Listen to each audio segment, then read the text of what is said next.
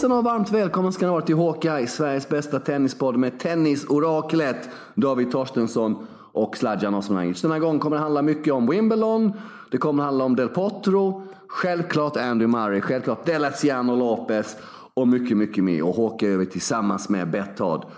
Och eh, vi börjar med Wimbledon-sidningen David som ju kom igår. Om vi tittar på topp fyra där så är det ju på plats nummer fyra, Kevin Andersson som sticker ut. Jag ville bara säga, tennisorakel, ska inte jag få en bättre presentation än så allmänt mm. mega-orakel? Hade inte det varit en bättre presentation? Jag blev lite liksom nedslagen när jag fick höra mitt, min presentation. Ja, nu är det dålig stämning här David. Eftersom du har mobbat mig här nu i 7-8 minuter innan vi tryckte på play och record ganska elakt mot mig här då. Så kände jag att jag hade inte tänkt att det hade varit mycket finare. Men du förtjänar ja, inte ja, ja. detta denna gång. Utan det får du jobba ihop till nästa vecka. Och sluta älta sådana smågrejer. Eh, vi vet att David har haft en tuff natt. Han har inte sovit så bra. Blev väckt av en annan individ. Och har kämpat på hela natten. Så jag vet inte hur det här kommer sluta idag. Eh, men ska vi börja med Wimbledon-sidningen? Känner du redo för det? Vill du prata med jobbigt allt eller vad, vad, vad, vad ligger? Hur var konserten Sladjan? Sladjan var på Spice Girls Jaha. igår. Var det, var härligt eller hur var det? Jag var på en eh, unplugged med Spice Girls, det är helt sant. Och det var något av det absolut bästa jag någonsin upplevt. Nej, jag var på det här...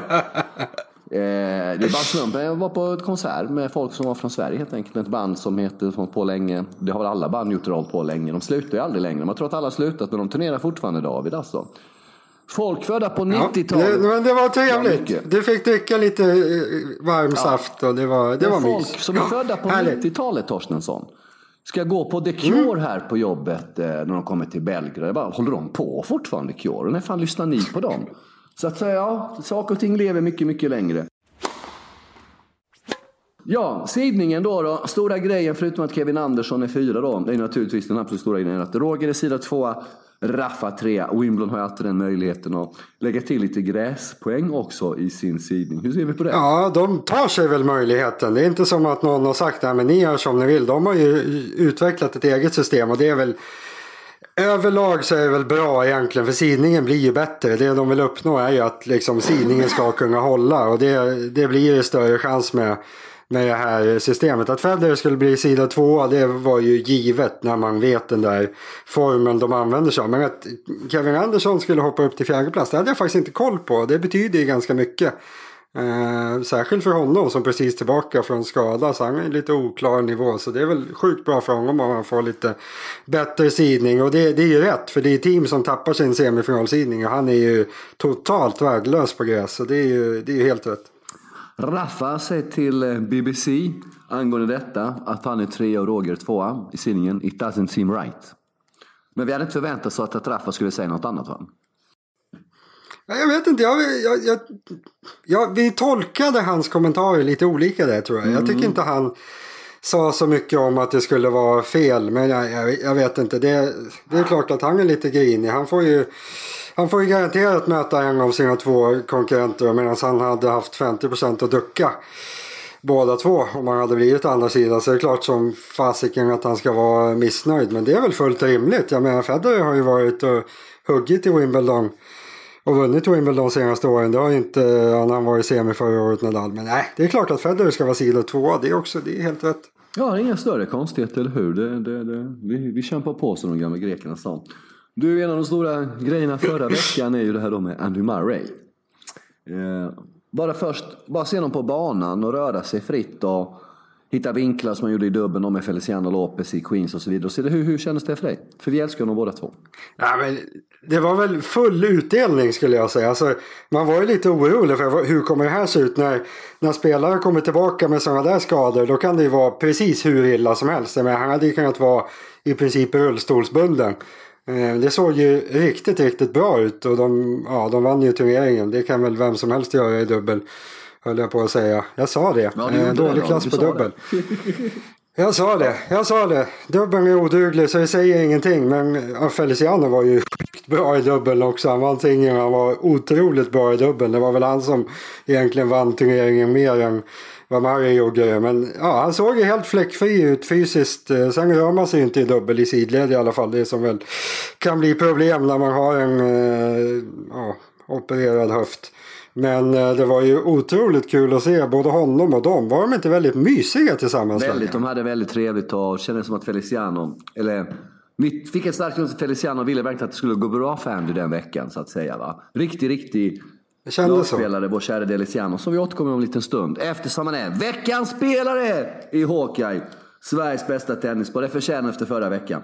Du, eh, tennisintelligens är intressant att prata om. Jämför Andy Murrays tennisintelligens, så pratar vi Andy Murrays singelspelaren då med eh, RF, RN och ND. Vi vet nog alla tre vilka det är. Eller alla, vilka alla de där tre är.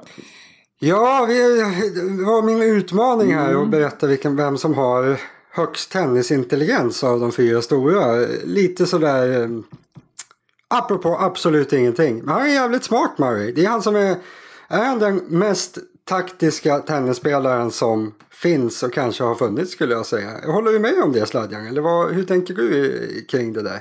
Han är ju väldigt taktisk. Samson har ju fått pisk liksom ett par ganska viktiga matcher i hans del. Några Grand Slam-final av eh, både Raffa och Novak på taktik kan jag tycka då liksom. Eh, så den är lite svår den. Han har ju lite emot sig mm. där att han är så mycket sämre än dem. Så man, jag skulle väl egentligen fokusera mer på att det, det är rätt fantastiskt att han har vunnit så mycket mot dem tre stora konkurrenterna där. Trots att han i min mening, alltså tennismässigt är han ju, han är ju inte bra Andy Murray.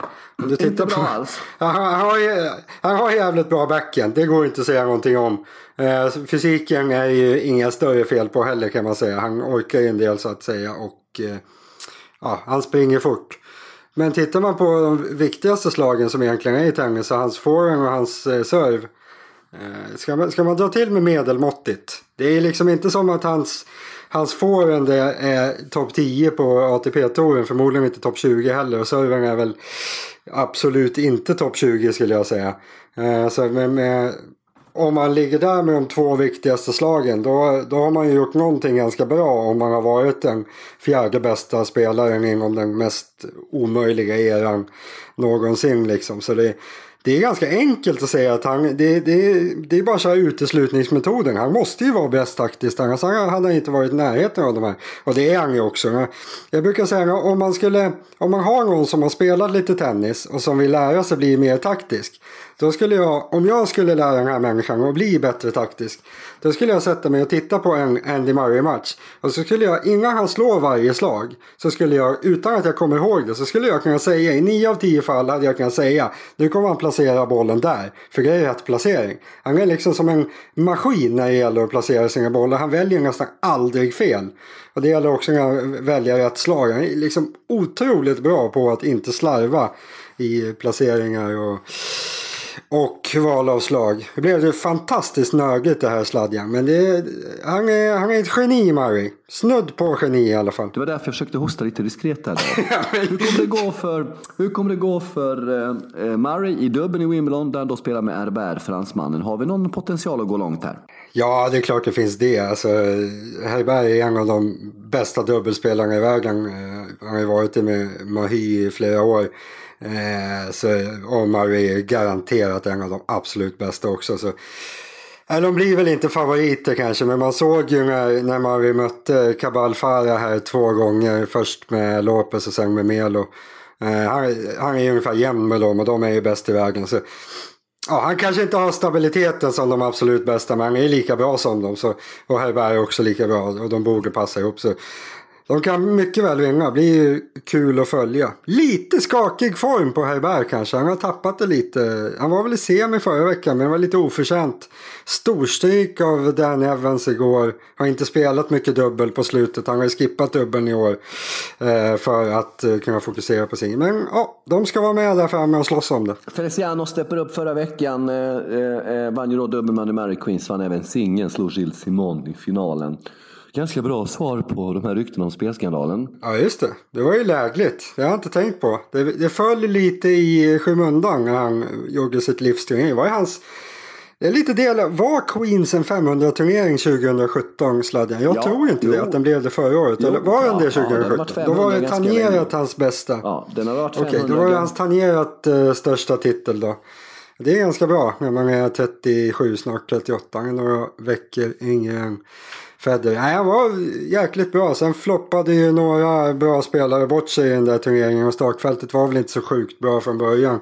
Slog Simon i finalen. Men han, han var ruggigt bra. Vi gillar ju Feliciano. Han verkar mysig på något sätt. Man, man vill ju tänka att han är dryg för att han är så jävla snygg. Men han är inte det tror jag. Han, han verkar trevlig. Har du aldrig träffat snygga människor som är odryga?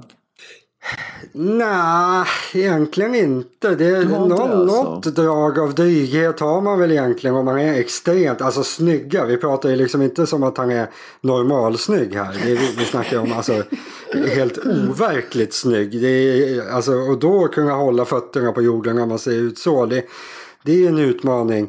Eh, Så jag skulle nog säga nej. Är man sådär snygg så ska man inte kunna vara trevlig. Men han verkar vara det. Han verkar vara en trevlig prick. Och, ja, Du kanske ska göra en podd om manlig skönhet. Det verkar vara ett ämne som ligger dig varmt om hjärtat. Det är så du... ja, varför inte? Men om du rangordnar då den, den grekiske nya Adonisguden här då, Tsitsipas, med den latinske eh, Feliciano Lopez. Vem är snyggast då i Davids värld? Tsitsipas känns ju fortfarande som att han är på väg upp. Om 5, 6, 10 år då kommer han vara, alltså då kommer ju, då kanske det blir svårt att ta honom. Men han känns ju fortfarande lite valpig på något sätt. Så, nej, jag, jag håller fast vid Feliciano. Okej, Felicia- Deliciano. Feliciano Deliziano är vår man och vi lämnar nu skönhetspodden, skönhetsdelen i podden här.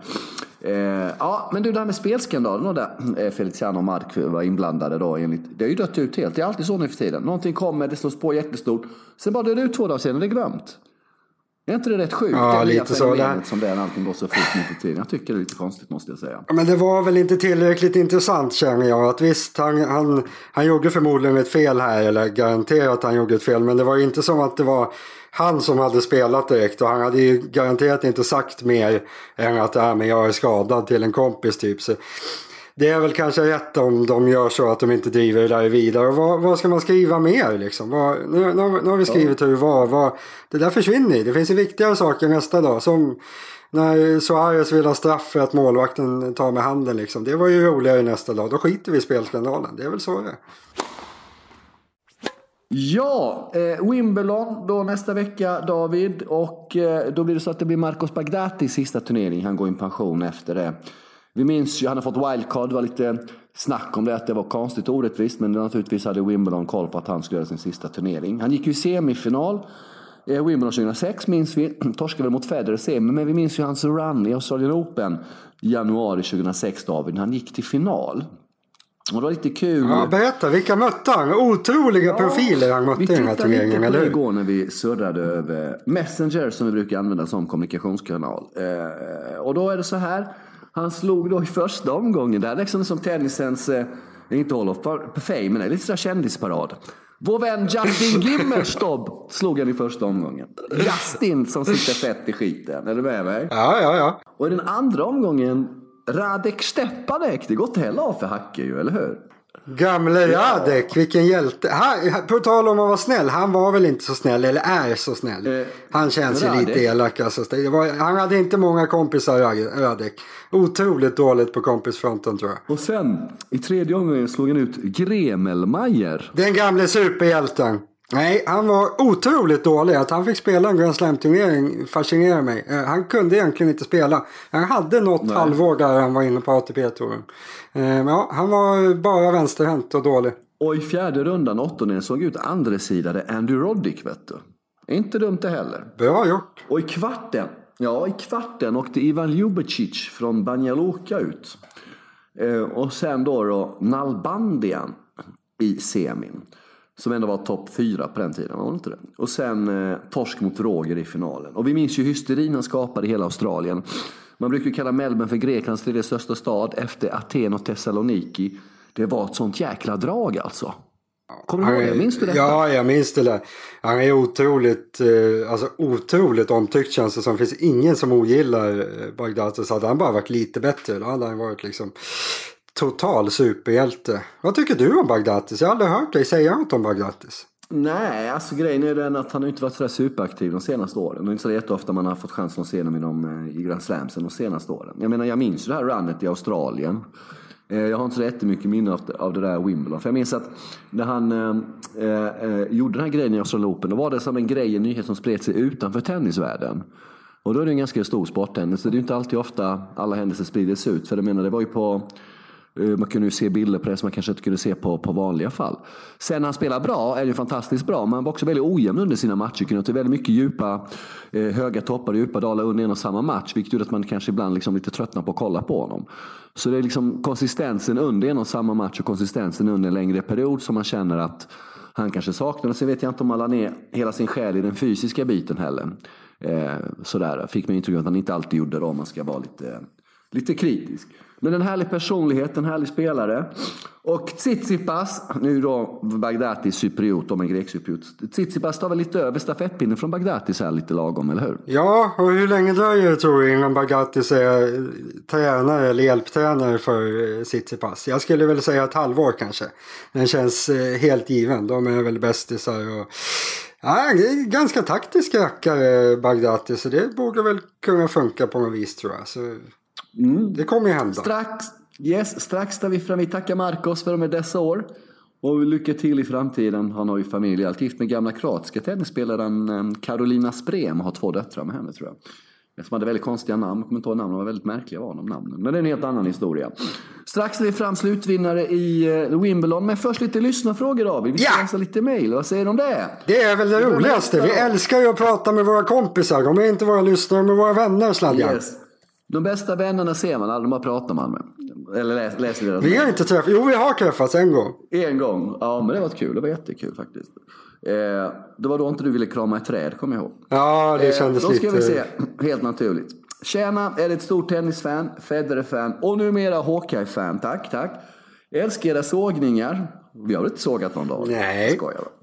Och på temat sågning skulle jag önska att ni tar upp det sjuka Tidsfördrivet som några av de bästa spelarna håller på med. Nadal i spetsen. Som vid otaliga tillfällen gick över klockan utan att få varning eh, under franska öppna mästerskapen. Var sjukt skönt att titta på matcherna i Halle och Queens. Inte minst Lopez och Simon som bara körde på trots väldigt tight match. Eh, nu är Nadal en sagolik spelare så han kom undan men beteendet förstör tennisen och tempot börjar mer likna golfen. Golfen har för övrigt samma problem. Det var på ett sätt bättre för Inga tics, inga onödiga krusiduller. Detta skriver då eh, Martin som då också tog upp Söderling som gjorde en legendarisk markering i Wimbledon mot Nadal. Var inte det på Roland Garros han gjorde den för övrigt? Nej, Men nej, nej, kanske nej, var nej. Det var Wimbledon. Ja. Okay. Skulle önska att fler tog tidsdrivet på allvar. Eh, keep up the good eh, work och vad tycker ni om detta? För det där, Nadal var riktigt pissed off på den där när Robin tog sig för, eh, ja, höll på där med Herma, Herma Nadal va? Kommer du ihåg mm. det? Mm. Det minns jag. Mm. Mm.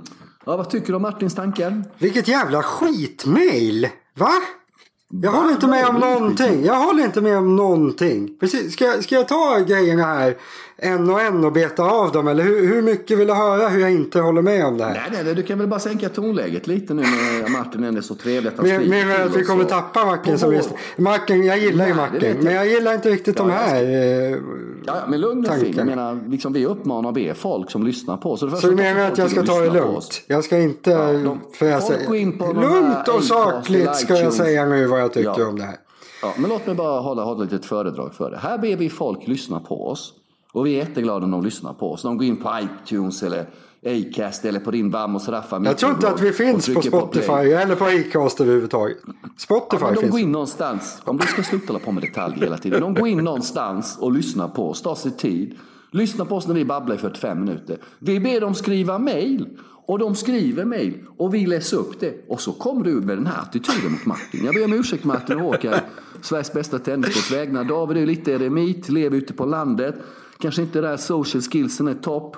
Kanske lite viss social dysfunktionalitet. Men vi kämpar på och försöker utvecklas som människor. Dina tankar kring Martins mejl, tack. Ja, det, som sagt, lugnt och sakligt ska jag beta av det här nu. Att, eh, ska vi Nadal går över tiden.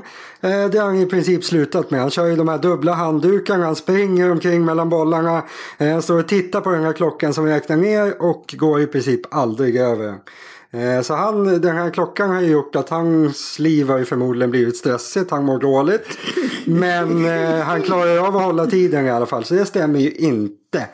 Eh, golfen, ja det, där skulle jag vilja säga. Det stora med det här är att jag, jag gillar ju golf väldigt mycket. Eh, och jag gillar liksom att titta. En del av det att jag gillar tennis är att det är en långsam sport. Att det inte händer saker hela tiden. Eh, sen gillar jag snabba sporter också. Jag älskar ju basket som du och alla andra vet. Där går det ju extremt snabbt. Det är ju inga dödperioder. Men tennis är jävligt härligt. Att jag behöver inte titta på alla gaming och tennis. Utan jag, jag har den någonstans i synfältet och så vet jag att äh, men det står 40-15 minuter. Nu kan jag sitta och hålla på med telefonen. Så att man ska jaga sekunder inom tennisen. Jag har aldrig fattat det där. Jag fattar inte. Jag tycker att det kan få vara ganska långsamt. Eh, sen ska det inte vara orättvist. Man ska, vissa ska inte ha 45 sekunder och andra ska ha 20 sekunder. Det blir orättvist. Men nu de här 25 sekunderna som spelarna i princip håller och nu när den här klockan kommer komma in överallt då kommer problemet helt vara utan, eh, ja det kommer vara borta. Eh, Tixen, ja jag vet inte. Det, han kan väl få stå och pilla sig lite. Jag stör mig inte på det så länge det inte tar tid. Och så tycker jag att Söderlings grej... Lite störigt. Varför då? Ja, Lite större till när man pillar sig där bak i rumpan. Är det ja men de sitter ju jävligt och Sitter aldrig dina kalsonger dåligt Sladja? Jo, men ju inte runt på min arbetsplats liksom och... Inte ens om de sitter jätte, jätte dåligt. Vad gör du då? Gå in på toan och äta andra kalsonger som kanske matchar shortsen bättre så kan man också göra det. Så är han så pass besatt att han säkert haft samma kalsonger. Men, Nej, jag bara ja. Ja, och sen ska jag avsluta där med Söderlings markering eller hån eller vad man ska säga. Där. Eh, det var ju skitlöjligt för han, han gjorde det ju inte på ett coolt sätt överhuvudtaget. Han, liksom, han såg ut som en, en liksom uppriven tioåring som precis har fått sin glass snodd på skolgården. Det var liksom panik och det var inte coolt. Och det var... Nej, det var. Men vi älskar Macken i alla fall. Tack för mejlet och eh, yeah. återkoppla. Berätta för mig hur dum i huvudet jag är. Do it! Ja, mäktigt Martin. Nu har du ett härligt mejl att skriva till nästa vecka då, där du får berätta för dagen. Vi läser upp vad han skriver om mig så läser vi upp. Yes. yes nästa mejl är från Emil. Hej, vilken bra podd ni gör. Roligt att följa er. Skulle vilja höra era tankar kring val av underlag och arena Davis Cup mot Israel i september. Det är Kunga Tennishallen. Och eh, han tycker Emil att det var oväntat eh, av Svenska Tennisförbundet. Då Sveriges bästa underlag är grus, Ymer gånger två och Eriksson. Samtidigt är just då Israels favoritunderlag hard. Eh, Sela har ju slutat spela på grus exempelvis. Inget ont om Kungliga som tennisarena men hade inte Båstad varit bättre eh, mot bland annat Litauen september 2017? Vad säger ni? Vilket jävla... Nej jag skojar. Nej det här håller jag ju med om. Eh, helt och hållet. Jag fick en rolig bild i huvudet att med tanke på hur lite publik det kommer vara på den här Davis Cup-matchen. Det kommer ju vara ingenting. Eh, så skulle man egentligen kunna spela på grusbanorna de har utanför Kungliga hallen där. Man skulle kunna sätta upp en läktare ja. som tar 150-200 pers så skulle det bli lite tryck där. Kanske det man ska göra. Eh, men han har helt rätt i det han säger. Det, det är inte första gången man gör så här. Eh, alltså det har varit gånger då Sverige har riskerat att förlora och ibland har förlorat bara på att man gör så här huvudlösa val av underlag. Att man liksom skiter i att ge sig bästa möjlighet att vinna. Nu kommer man att slå Israel förmodligen ändå. De har ingen bra tvåa, de har bara en dubbelspelare. Så, och Sela är ju sämre än vad bröderna Ymer är numera. Så de kommer mm. säkert vinna på hardcourt också men på grus hade det ju varit liksom 99,9% chans för där har Israel ingen som kan spela. Eh, så det är lite dumt. Jag vet inte, det, det hade säkert varit lite fler personer som hade kollat i Båstad. Det hade varit ännu fler personer om man hade lagt i en svensk småstad där det är en stor grej att det kommer Davis Cup för första gången. Eh, så Ja, Svenska Tennisförbundet de är ju värdelösa. Det, går inte, det har jag skrivit om en miljon gånger. De, mm. de är angränsande till odugliga. Eh, och Eh, ja, Båstad hade man kunnat välja men hade man haft lite driv hade man sett till att placera det här i en svensk stad med 20 000 pers där det blir liksom årets happening att vi ska spela Davis Cup där och blir drag kring det. Och nu, man hade ju kunnat välja grus här, det finns grusbanor överallt. Man hade bara behövt sätta upp en läktare och hade blivit skitkul. Nu gör man något superdåligt av det istället. Så, ja, de är dåliga. Ja, det är mycket märkligt resonemang. Det är mycket, mycket märkligt resonemang. Man måste ju skapa möjligheter för sina egna spelare att vinna, vinna den här matchen. Och dessutom, på, ovanpå det ska man ju såklart vilja marknadsföra sporten. Och det gör man inte genom att lägga i Kungliga Tennishallen. med. Det här i Stockholm, Sladjan. Ingen kommer bry sig om det här, eller hur? Noll, noll, noll, noll, noll, noll. Nästa mejl från Zlatila kallar han sig. Wimbledon går ju efter egen ranking. Vad tycker ni om den? Det har vi liksom redan pratat lite grann om. Nu blir till exempel Andersson högt rankad, sidad 4 enligt Jidel Jaddala. Ja, det har vi ju redan tagit upp i början på sändningen, så den lämnar vi därifrån.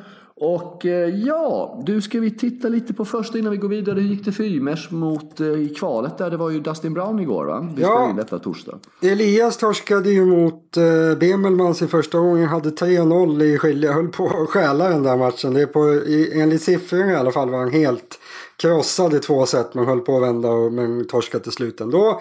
Eh, Mikael Ymer otroligt bra hittills. Eh, stabil, halv, ja, någorlunda stabil. Han var lite hotad i första set första omgången. Mot en dålig spelare. Sen slog han Dustin Brown igår. Det är ju bra gjort. Brown är ju farlig på gräs. Kvalfinal Mycket. idag mot Dennis Novak. Det vet inte du vem det är Sladjan, eller hur? Kanadik va? Eller amerikan är va? Nej, Österrike. Ja, där ser du. Men fanns Nej, det jag inte tror inte- Novak eller Kanadik? Som är efternamnet Novak för några år sedan. Det får vi gå in på Ja, lite det senare. fanns, ja, vad fan. Ja, men jag tror det blir svårt i alla fall. Men den kommer ju Ja. att spelats när den här podden kommer ut. Men jag tror att Novak är lite Yes. favorit. Han är bra på gräs. Det blir tufft. Men hoppas. Det vore kul om man kvalar in. En annan fråga, apropå Dustin Brown. Jag tyckte han var rätt cool en gång i tiden, men jag tycker inte det riktigt längre. Är han fortfarande cool, Dustin Brown? Nej. Alltså det är väl som att det? vi är ju inte heller coola Sladjan. Vi har i och för sig... Har, jo men du, var du cool när du var ung? Nej. Vad är cool? Ja men vad, du vet väl. Du ställer ju precis frågan vad cool är. Då måste ju nej, du veta nej, vad cool det, är. det, Jag kan ha haft en släng av cool i tiden. Jag tror du har en liten aura. Men du, du har liksom, nu är ju inte cool längre för du försöker ju inte vara cool längre, eller hur? Nej. Men Dustin. Brown är ju nu 35 och försöker vara cool. Det blir ju inte så jävla häftigt liksom. Nej. Och han fortfarande runt i en folk, folkabuss och spelar. Jag tror inte det. Det hade, varit, det hade ju varit lite coolt om man hade gjort det. Fast han kanske hade råd att inte göra det. Nu har i och för sig gått Ja. jävligt dåligt för honom. Han ju- var ju rankad typ 200 för bara någon månad sedan. Han har ju haft superproblem. Eh, Men ja, jag vet inte. Han kanske, han kanske har uppgraderat till en riktig husbil. Och den här mössan han spelar i. Jag vet inte vad. vad nej. Nej. Nej. Nej. Låt den vara. Klipp dig. Delpo. Ja, Delpo jättedeppigt opererades i veckan i Barcelona. Kan ha gjort sin sista tennismatch i karriären efter otaliga operationer hit och dit. Men eh, han skickade ut en videohälsning där han var, lät jäkligt orolig. Han jag tror aldrig jag sett hans ögon så ledsna. Eh, och det fick mig att tänka på liksom alla dessa skador då David. Hur många, så ponera då en leker en hypotetisk värld att Delpo aldrig haft en enda skada. Hur många Grand Slams hade, hade det kostat? För Rafa, för Novak och för Roger? Det, det är en förtäckt Nu fråga. Hur många hade Delpo vunnit frågar du mig då egentligen. Ja, han har ju vunnit en som vi vet då, eh, Federer i US Open 2009. Men hur många till hade det blivit om han hade haft ett skadeproblem, ett skadefritt tennisliv? Den är ju jätteknepig, men Ja, jag menar inte fan hade Rafa stått på 18 ja. och Novak 15 och det Federer på 20 om Delpo hade varit Delpo hela tiden. Nej, verkligen inte. Och frågan är vem han hade snott flest av. Det är lite inte. Han hade ju inte snott många från Nadal, det tror jag inte. Eh, det hade ju Novak varit, hade faktiskt. varit Djokovic och Roger som hade fått stryka på foten. Eh, men jag, alltså fe- fem, tio stycken hade han absolut kunnat. Frågan är hur han hade utvecklats. Jag menar, när han kom fram precis, då var han på väg att få den forehanden som han har haft nu i ett antal år. Han hade den inte riktigt, men nu har han liksom utvecklat den till att vara kanske det bästa slaget som finns typ. Eh, men då hade han ju en backhand som hade kunnat bli riktigt bra också. Sen eh, med åren så har han ju inte haft någon backhand. Han har ju bara kunnat mota över den för han har ju en trasig vänsterarm och handled och underarm och allt vad det. Det finns ju liksom ingenting att hålla i där så han, han kan egentligen bara mota tillbaka. Men hade han kunnat utveckla sin backhand till att bli ett, ett riktigt bra slag då vet inte fan vad man skulle göra, gjort mot honom liksom. Då hade det inte funnits några nå ställen att gömma sig på. Eh, sen är det alltid spekulationer med hade han fått så bra forehand om han hade kunnat fortsätta spela backhand. V- v- Sju! Sju svarar jag, vad svarar du? Ja. Fyra. Ja. Och då hade han tagit tre av Djokovic och eh, fyra av Federer. så. Ja, Sen har det tagit eh, en Australian Open. Jag vet inte vems, men förmodligen Djokovic var nog ganska många på slutet. En eller två US Open till va? Ja, kanske tre US Open. Jag säger två AO och två US Open då. Sju låter lite mycket för att det är allt, ja. Så det är, det är egentligen det, det är Del Potros fel att inte Nadal redan nu leder racet eh, när det gäller slams. Så kan man också se det faktiskt. Så kan man också se det. Absolut. Det ska bli intressant att se hur det där slutar i slutändan. Hoppas han kommer det. Jag håller med dig. Det lät otroligt deppigt alltså. Jag tror inte... Han, han hade frågat läkaren om det här. Det här som man inte frågar om man är så positiv. Att det var liksom, ja, men jag vill undvika framtida men typ. Vad ska jag göra? När man börjar tänka sådär att man överhuvudtaget ska kunna leva ett normalt liv. Då, ja, jag vet inte. Då har man börjat ge upp lite grann. Och det borde han ju göra. Alltså. Han har inte varit frisk på hundra år liksom. Nej, det är jobbigt, Nej. tråkigt. Ja, det är skitsegt. Det är skitsegt alltså. Det, det är som det är. Vi biter ihop här nu och tar den här podcasten Håka i Sveriges bästa i hamn. Och eh, slutserien i Wimbledon David. Vem väljer först den här gången? Är det du eller jag? Är det väl du varför som du fick in... Eh... Ja, men ska, vi verkligen, ska vi verkligen välja? Ska vi inte bara presentera våra vänner på Bethards odds? Jag menar, det, mm, ja, men gör du det då? Gör du det då? Om du ja, alltså, Djokovic är ju favorit just nu. Eh, klar ja, favorit. Djokovic är väl favorit i alla tennisturneringar han spelar. Han står i 2,50. Han var inte favorit i Franska öppna faktiskt. 2,50 på Djokovic. Eh, ja, han ska väl vara klar favorit, eller vad tycker du? Mm. Det ska han, det ska han. Det ska han. Man kan, man kan tro att han inte ska vinna, men man måste tycka mm. att han är favorit. Så kan man säga. Ja, så kan man absolut säga. Vad har vi på Raffa och Roger då? Roger 4.35, ganska klar andrahandsfavorit. Där är väl jag lite tveksam. Är han, är han klar? Ja, sidningen hjälper ju lite. Men är han klar andrahandsfavorit framför Nadal? Jag har sett Rafa och Novak hamna på andra halvan så är det ju en ganska intressant väg Ja men det vet vi inte nu. Det vet vi inte nu. Nej men det vet jag... vi på fredag när det lottas. Och idag är det torsdag. Men, eh, Sen har vi Nadal, Nadal 6,50. Säger mm. vi om det? Semifinal förra året. Kunde lika gärna vunnit den matchen som mot Djokovic som gick över två dagar i fem set. Eh, det är det här med knäna då David, det gamla vanliga då? då. Ja, alltså jag, jag är inte så orolig där egentligen. Jag har sett så pass fräsch ut. Det har liksom inte varit något skrämselskott alls. Och gräset är ju lite mjukare än hardcourt i alla fall. Så det är, mm. det är inte det värsta för honom. Men sen har det ju alltid varit problem med Wimbledon. Inte alltid, men nästan ja. alltid. Det, har ju, men nu har han inte spelat någonting innan. Han måste ju ha vilat lite nu. Och, Ja, jag tror ju på Nadal. Jag, jag hade ju spelat Nadal just nu. Det kan jag vara helt ärlig med. Vem ja, hade du tagit? Det... Nej, Rafa till sex, över 600 pengarna lockar ganska hårt här alltså. Eh, det gör det. Och sen kommer ju resten då på Zverev 17, Tsitsipas 17, Sildic 21, Raonic 26, Felix 26, Kyrgios 34, Andersson 34, Team 34, Berrettini 41. Det är de under 50 gånger pengarna. Eh, Nej, det blir ju någon av de stora som vinner igen. Alltså det, är, det är, egentligen är det ganska medelmåttigt bland utmanarna just nu. Jag menar, Zverev eller Tsitsipas. Ser du dem framför dig att de ska gå hela vägen? Jag gör inte det. Alltså. Nej, nej, nej. Inte, nej, nej inte, inte, inte så här. Inte, inte. Men däremot kanske det är dags för ett litet seriöst genombrott från Felix Auger Aliassime har varit bra på gräset här nu ett par veckor. Eh, men du är lite skeptisk va? Ja, alltså bra. Det är klart han har varit bra. Men vem var han förlorade? Man torskade mot Berrettini i finalen eller hur var det? Alltså, torskar man mot Berrettini och är lite sämre än Berrettini. Berrettini har haft helt sjukt genombrott under sommaren. Men jag kan ju vara helt ärlig och säga att är man inte bättre än Berrettini då vinner man ingen Grand Slam-turnering. Det är liksom...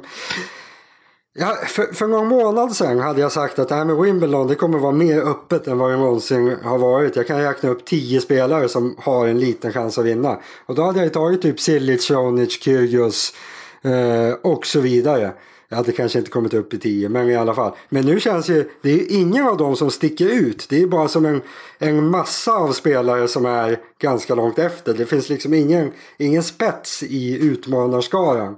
Eh, och det gör väl att jag tror att de är helt stekta. Eh, så det blir någon av de tre. Eh, jag hade, spelat, jag hade inte spelat Federer till 4.35. Jag hade valt mellan Djokovic och Nadal.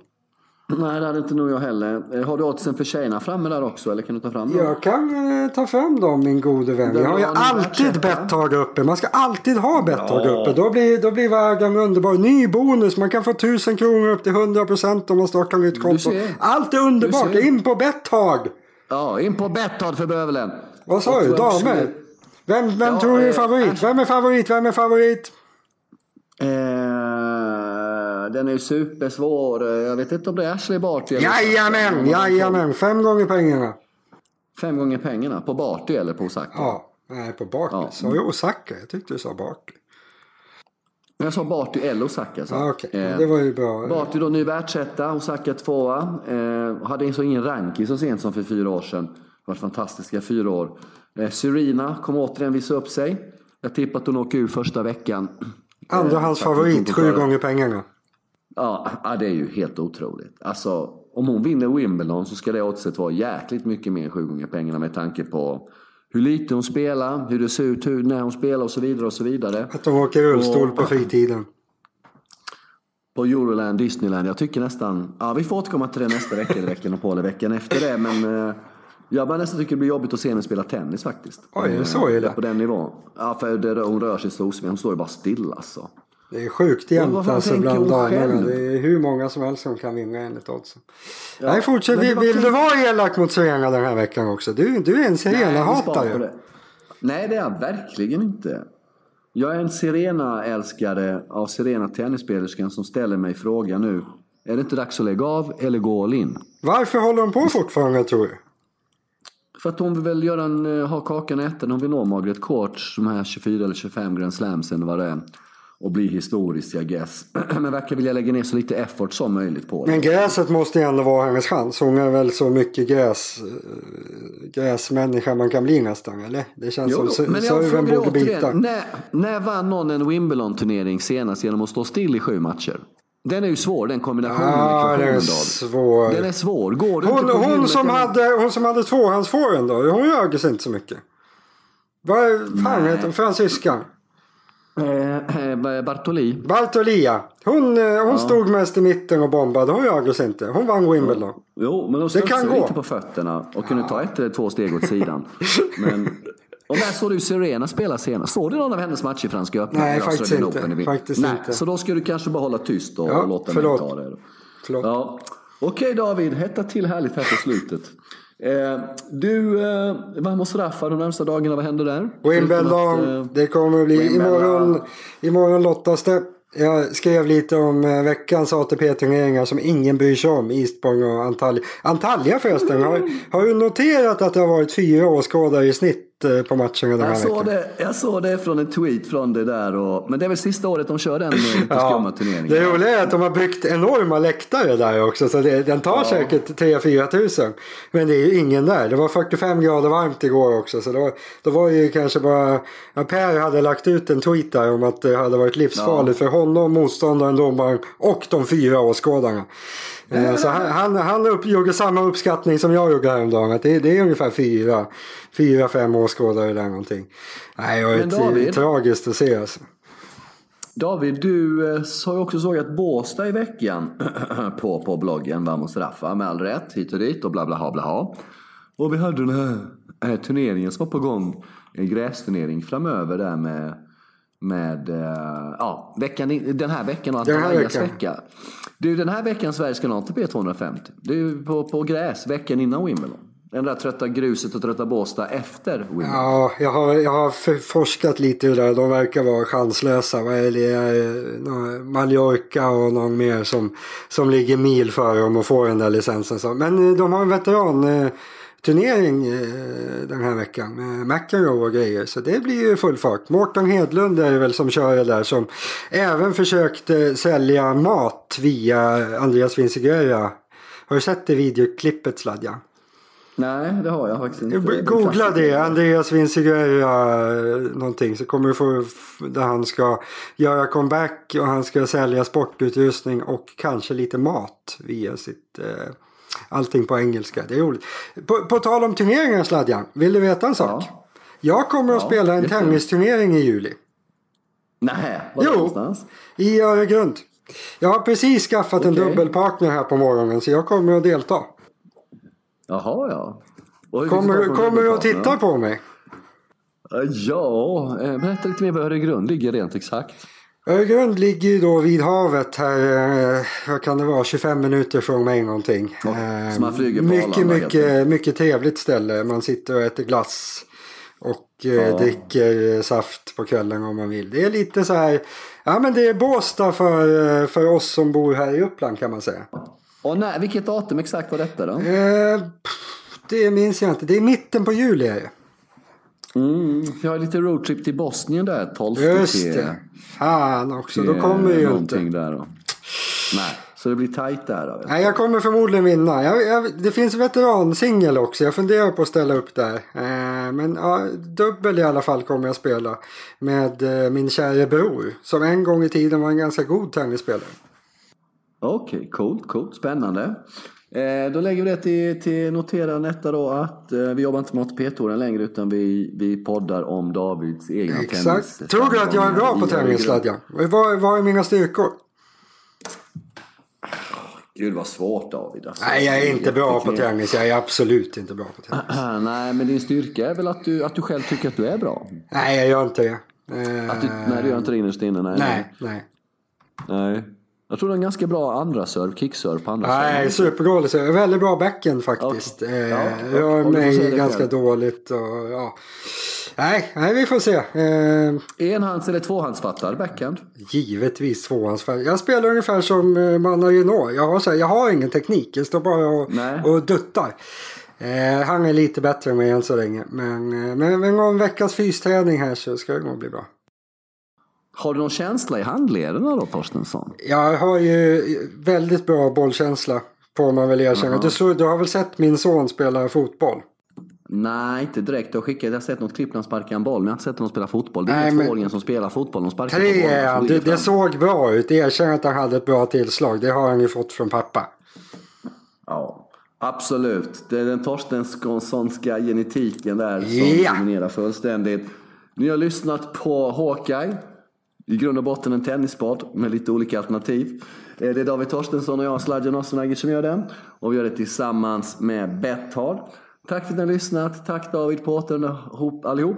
Håll utkik eh, imorgon fredag när lottningen kommer på Wimbledon. Då kommer ni kunna läsa om den i Vamos Raffa. Och eh, David, kommer då Roger, eller kommer Raffa och Novak hamna på samma halva och Roger på en egen? Det är väl redan bestämt va? Det blir ju det blir Raffa och Novak, eller hur?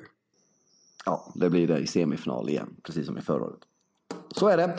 Tack alla som har lyssnat. Fortsätt skriva era mejl på betthard, eller att säga betthard.com. Och sen finns vi på olika ställen. Nu finns det ingenting mer att säga Sladjan. Nu stänger vi ner det här. Vi är klara. Ja, vi gör det. Tack, tack. hej. hej. hej.